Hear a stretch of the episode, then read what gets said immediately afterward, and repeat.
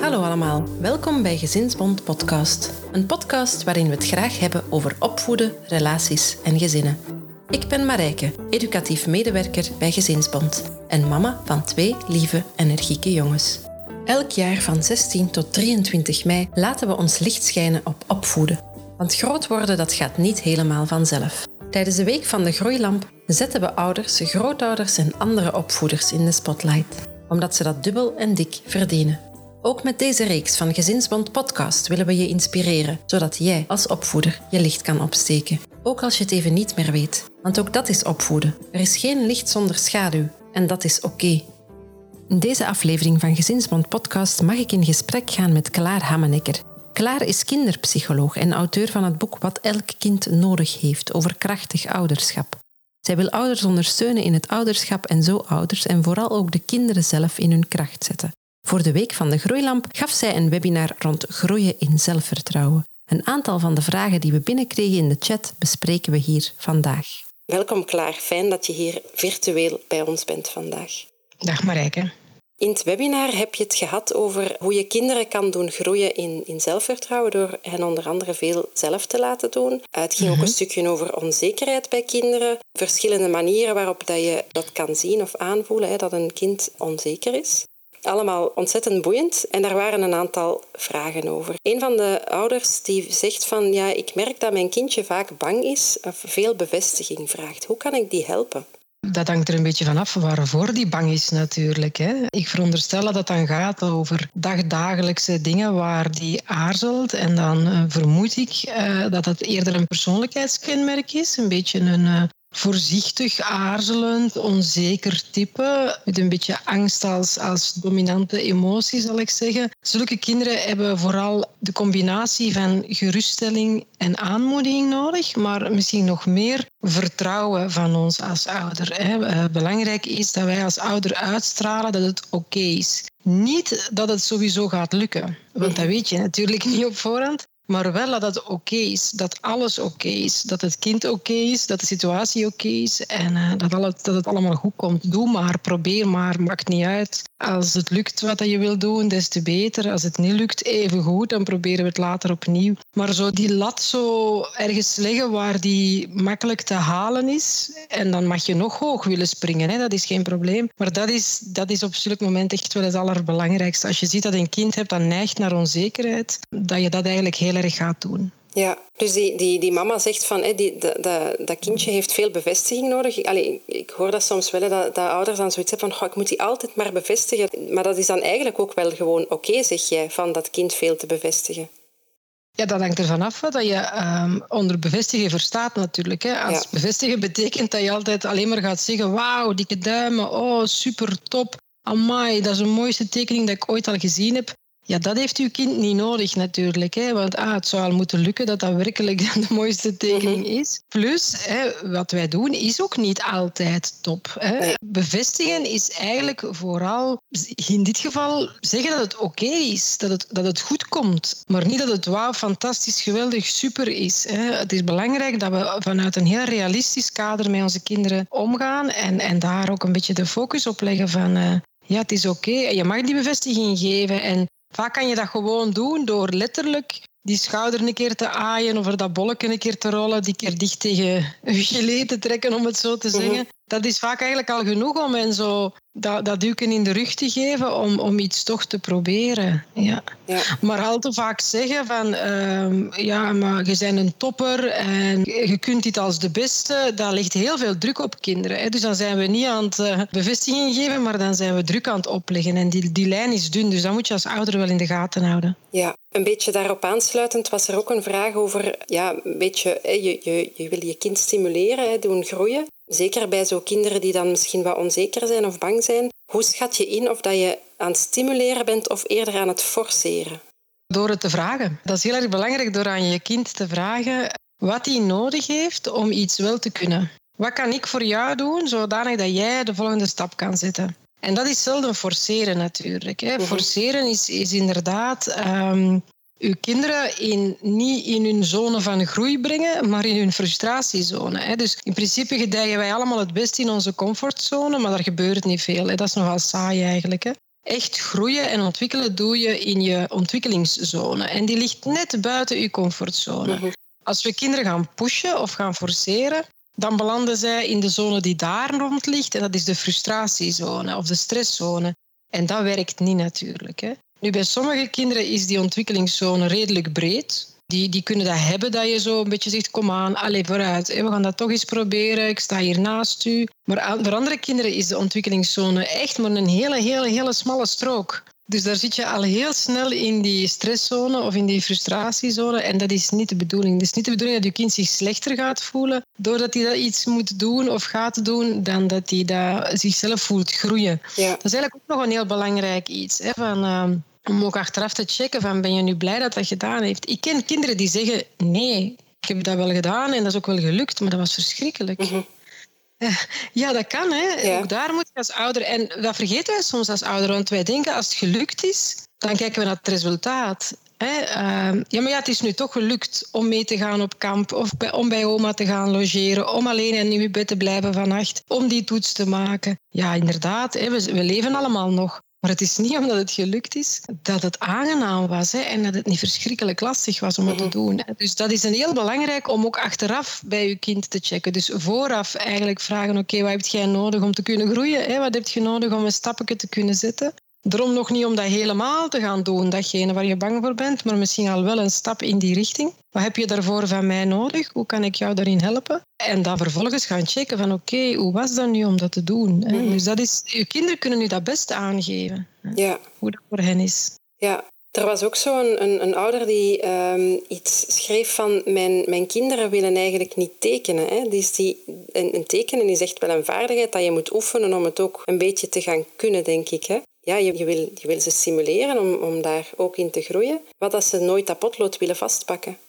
Ik zou zeggen, dan laat je dat. Er is geen enkele wet die zegt dat kinderen thuis met potloden moeten kleuren. Dat doen ze ook op school. Dus in die zin, tenzij dat je natuurlijk merkt dat die, dat, dat bij heel veel dingen is. Mhm. Dat je een kind hebt die niet alleen merkt dat hij niet zo heel veel tekenvaardigheden heeft. Dat kan. Maar als dat een kind is dat over de ganse lijn uh, een soort van perfectionisme heeft en faalangst, waarbij dat hij zegt van ik wil alleen iets doen wat helemaal lukt, want anders is het voor mij mislukt. Ja, dan hebben we een ander probleem natuurlijk. Dus dat is een eerste onderscheid om te maken. Gaat dat hier enkel en alleen om dat tekenen? Oké, dan dan heb ik zoiets van, ja, laat het dan. Hè. Dan zeg je, oké, als jij niet graag tekent, schat, dat moet niet. Hè. Want dat moet ook werkelijk niet. Hè. Nee. Uh, maar als je dat bij elke keer opnieuw bij heel veel uh, opdrachten en taken en uitdagingen merkt, dan denk ik dat dat ook gewoon heel belangrijk is om dat te zeggen, om duidelijk te maken dat je dat ziet, om dat te benoemen en om heel veel met tussenstapjes te gaan werken naar uw, naar uw kind toe. En zelf ook, voor alle duidelijkheid, dat is misschien nog het mooiste voorbeeld, zelf ook foutjes te maken. Ja. En die maken we per definitie elke dag opnieuw, maar daarin voor onszelf niet streng te zijn. Hoe reageert jij als je als een kind een aardbei eet en die op zijn witte t-shirt laat vallen? Is dat moord en brand? Is dat, oh nee, wat doe je nu, een nieuweling, en zie of ik dat maar proper krijg en dat is juist uw mooiste en uw nieuwste? Of zeg je, oei, ja, dat kan gebeuren. Gelukkig hebben wij thuis een wasmachine. Dat krijgen we er wel uit. Mhm. Want als, ja, of als je zelf als ouder iets voor hebt, hè, ga je dan tegen jezelf lopen sakkeren en doen omdat je iets, ja, een ongelukje hebt gehad of iets, of iets hebt gedaan dat achteraf misschien niet zo'n goede keuze bleek te zijn, loopt je dan op jezelf te sakkeren en te blazen? Of kun je voor jezelf zacht en mild zijn? Want dat is wat je kinderen natuurlijk kopiëren, nog veel meer dan wat dat je zegt kopiëren ze jouw gedrag en hoe dat jij zelf omgaat met imperfectie. Hè? Ja. Ja, dat was inderdaad ook iets dat heel vaak terugkwam. Hè? Die vragen van, van ouders die voor zichzelf ook wel zien van ik ben, ben toch wel zelf wat onzeker of zelf wat perfectionistisch. En ik merk dat mijn kinderen daar ook naar neigen. Hè. Wat, wat, wat kan ik, ik, ik denk van, ik heb hun dat niet aangeleerd, hè, maar misschien hebben ze het dan toch geërfd van mij, geleerd van mij. Wat kan je dan doen als ouder als je merkt dat je zelf eigenlijk perfectionistisch bent of, of onzeker bent en het doorgeeft aan je kinderen? Dat al zeggen, dat al benoemen, dat al weten, dat is de allereerste stap. Ik zie bij heel veel ouders een blinde vlek rond hun eigen perfectionisme. Of ik zie, zie, twee dingen. Ik zie enerzijds een groep ouders die zegt, die eigenlijk trots is dat ze perfectionisten zijn. Hè, die met een smile eigenlijk hier aan tafel zeggen tegen mij van dat perfectionisme, dat heeft hem van mij.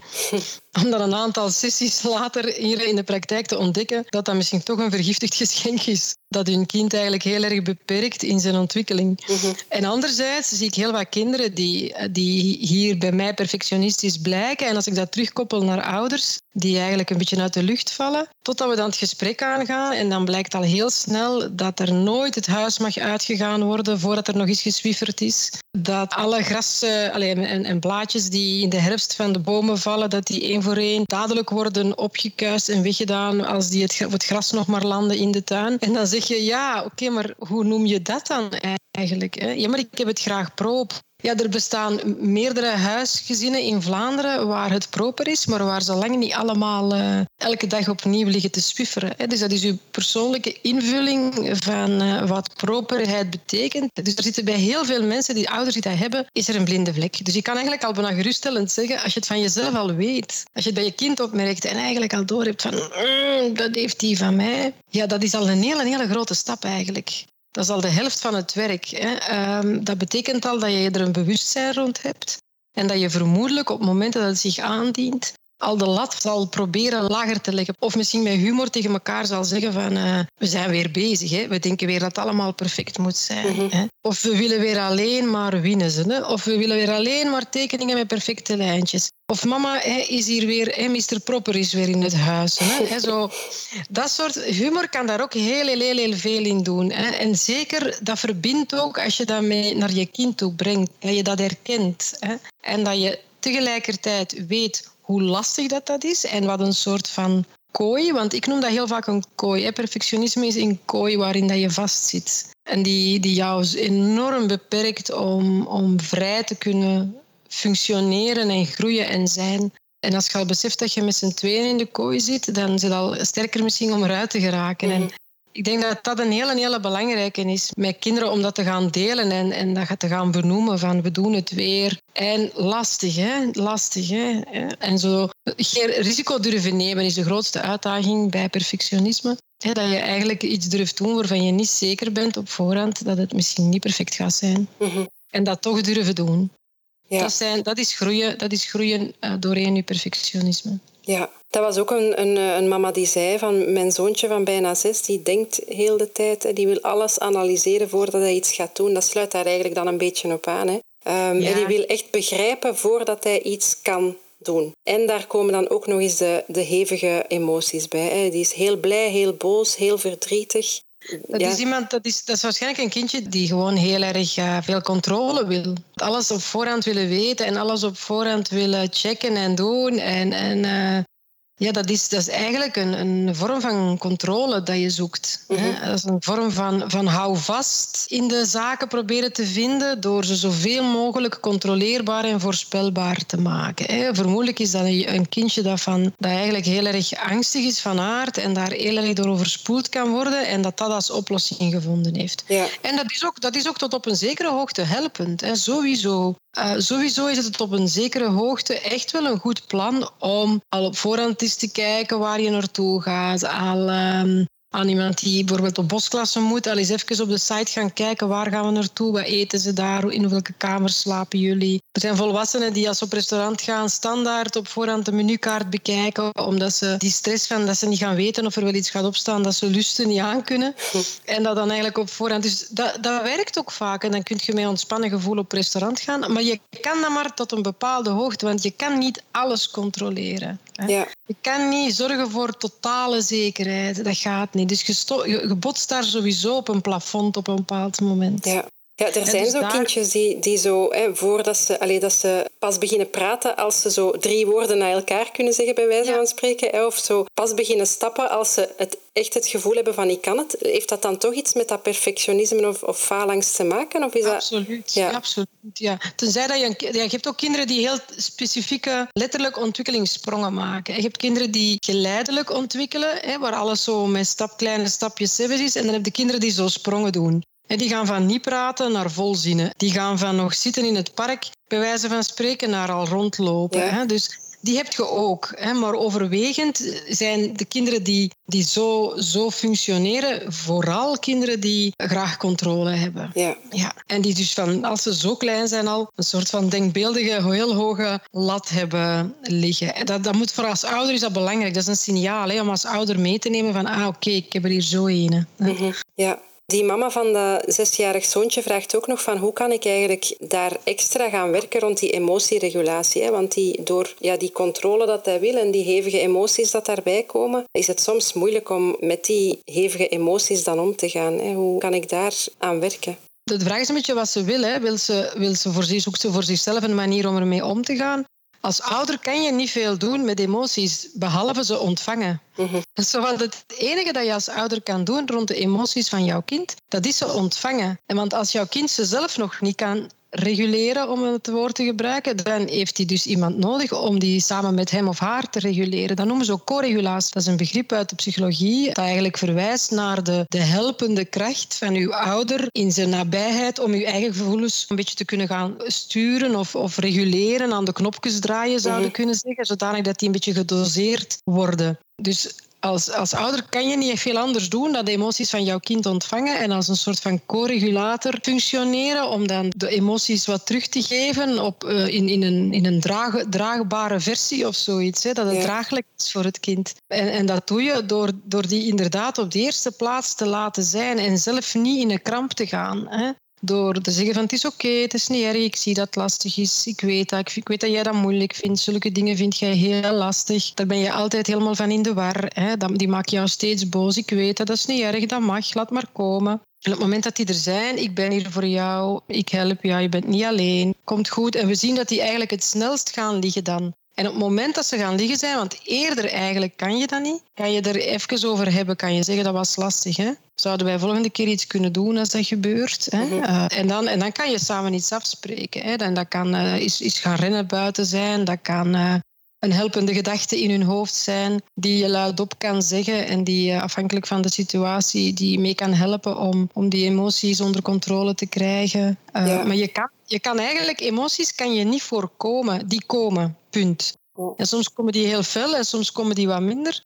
Maar je kan er niet voor zorgen dat er geen emoties komen. Dat zou ook een groot probleem zijn. Mm Moesten er geen emoties meer komen, want Absoluut, dan, ja. dat zijn onze belangrijkste zijngevers die we hebben als mensen eigenlijk. Hè? Ja, ik hoor jou zeggen van dan kan je op een, als, het, als het wat gezakt is, gaan afspreken van hoe gaan we daar dan volgende keer mee om. Dan hoor ik vaak ook mensen zeggen van ja, we hebben dat dan afgesproken en dan de volgende keer doet hij dat toch terug. Kan je dat oh, verwachten van een, van een kind? Dat hij dan... Doet hij dat niet dan? Of, ja, doet hij dan niet wat er afgesproken is. Hè? Dus, uh... ah, maar ja, dan, dan is het aan ons om hen eraan te herinneren. Hè? Ja, want, want als je zo overspoeld wordt door emoties, dan ga je niet veel nadenken. Hè? Mm ja, dan zit je helemaal in je emotie. Dan zit je niet echt in je, in je frontale, uh, kort, allez, frontale stuk hier van je hoofd en van je brein uh, te functioneren. Dus dan word je overspoeld. En dan, dan is het interessant, weet je nog, schatje, we hadden afgesproken dat je op mijn schoot ging komen zitten. Hè? Of we gingen een hele dikke knuffel geven als je nog een keer zo, hè, als er nog eens zoiets was. Of weet je nog dat we hadden afgesproken dat we dan gewoon het spelletje gingen laten liggen, ons gingen omdraaien, vijf stappen weggaan en iets anders gingen proberen te doen. Weet je het nog? Kom, we gaan het eens proberen. Hè?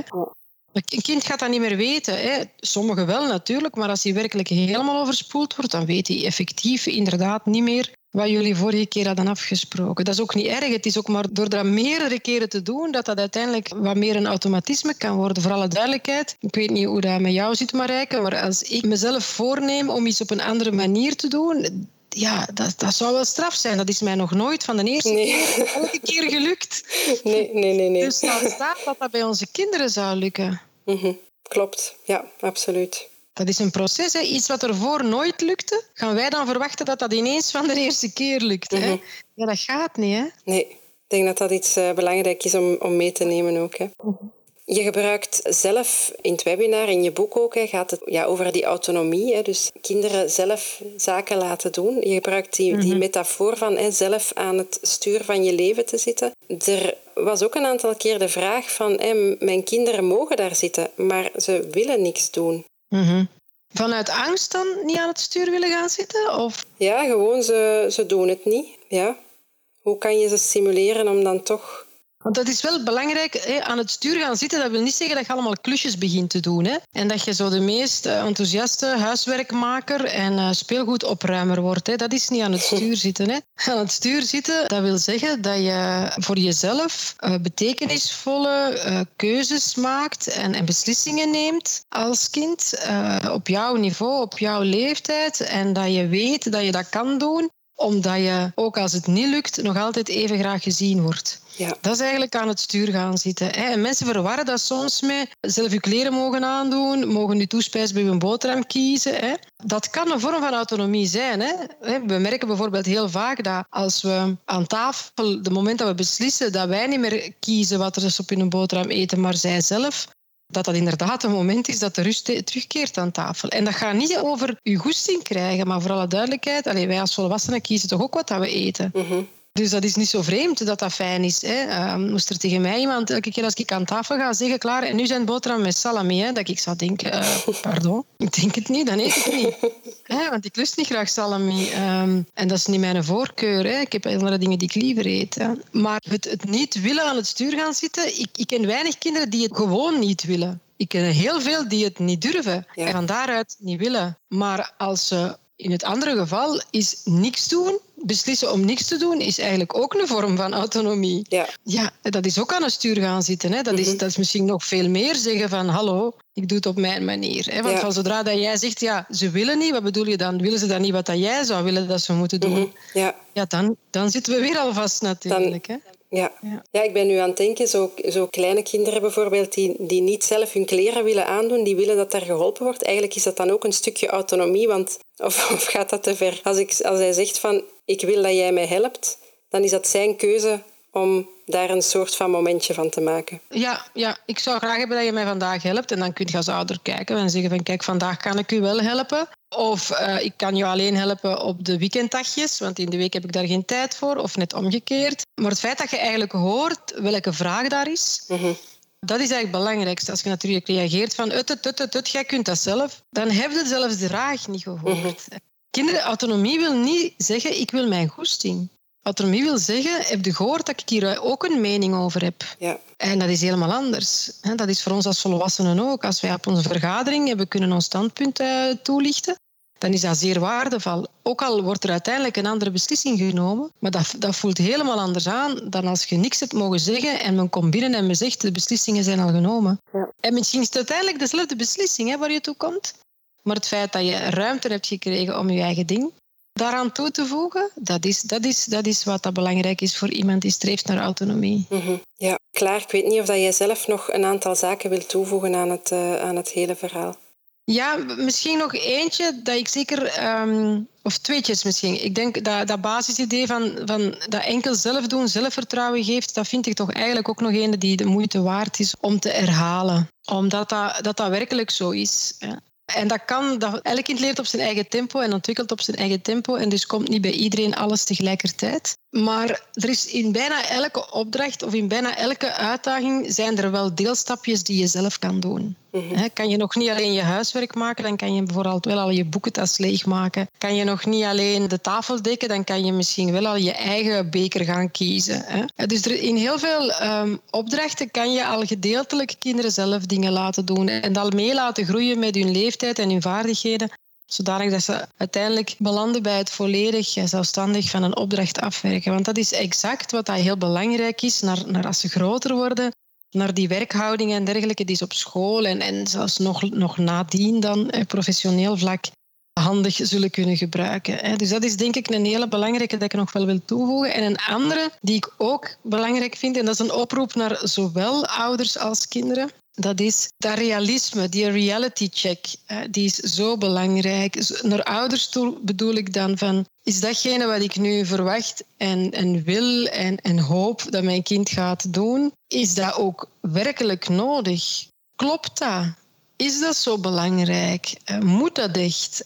Wie zegt dat? Mhm. En dat zijn heel belangrijke vragen, omdat wij, wij, hebben, wij hebben zoveel onbewuste aannames en overtuigingen als ouder, die wij blindelings eigenlijk doorgeven aan onze kinderen, maar die eigenlijk niet altijd zijn. En natuurlijk botsen wij daarop weerstand van onze kinderen, want zij zien dat uiteraard niet zoals wij volwassenen. Dus dat is al een hele hoop conflict gespaard. Niet, ik herhaal het nog eens, niet om hen hun zin te geven, maar wel omdat je bijna niet kan legitimeren waarom het wel moet. Toch niet op realistische, realistische argumenten. Maar ook voor kinderen is een reality check belangrijk, omdat zij, zeker angstige en onzekere kinderen, die denken in doemscenario's en in rampscenario's van wat als, wat als, wat als.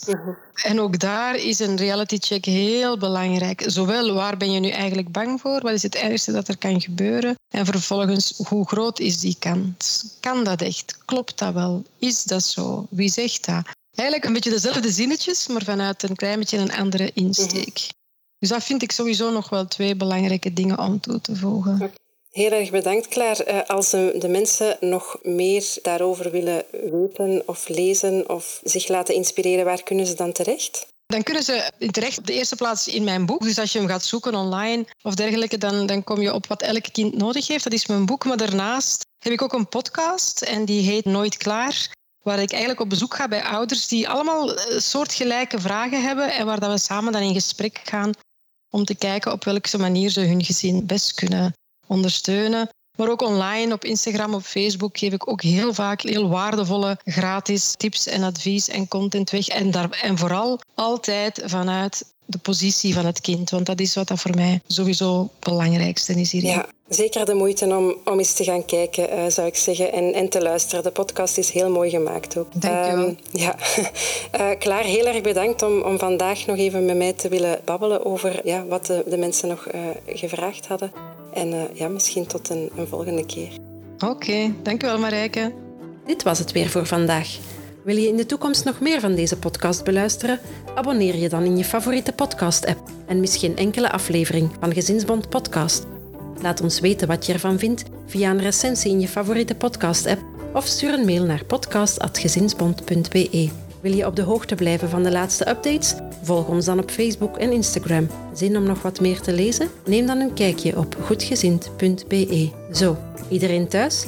Bedankt om te luisteren en tot de volgende keer.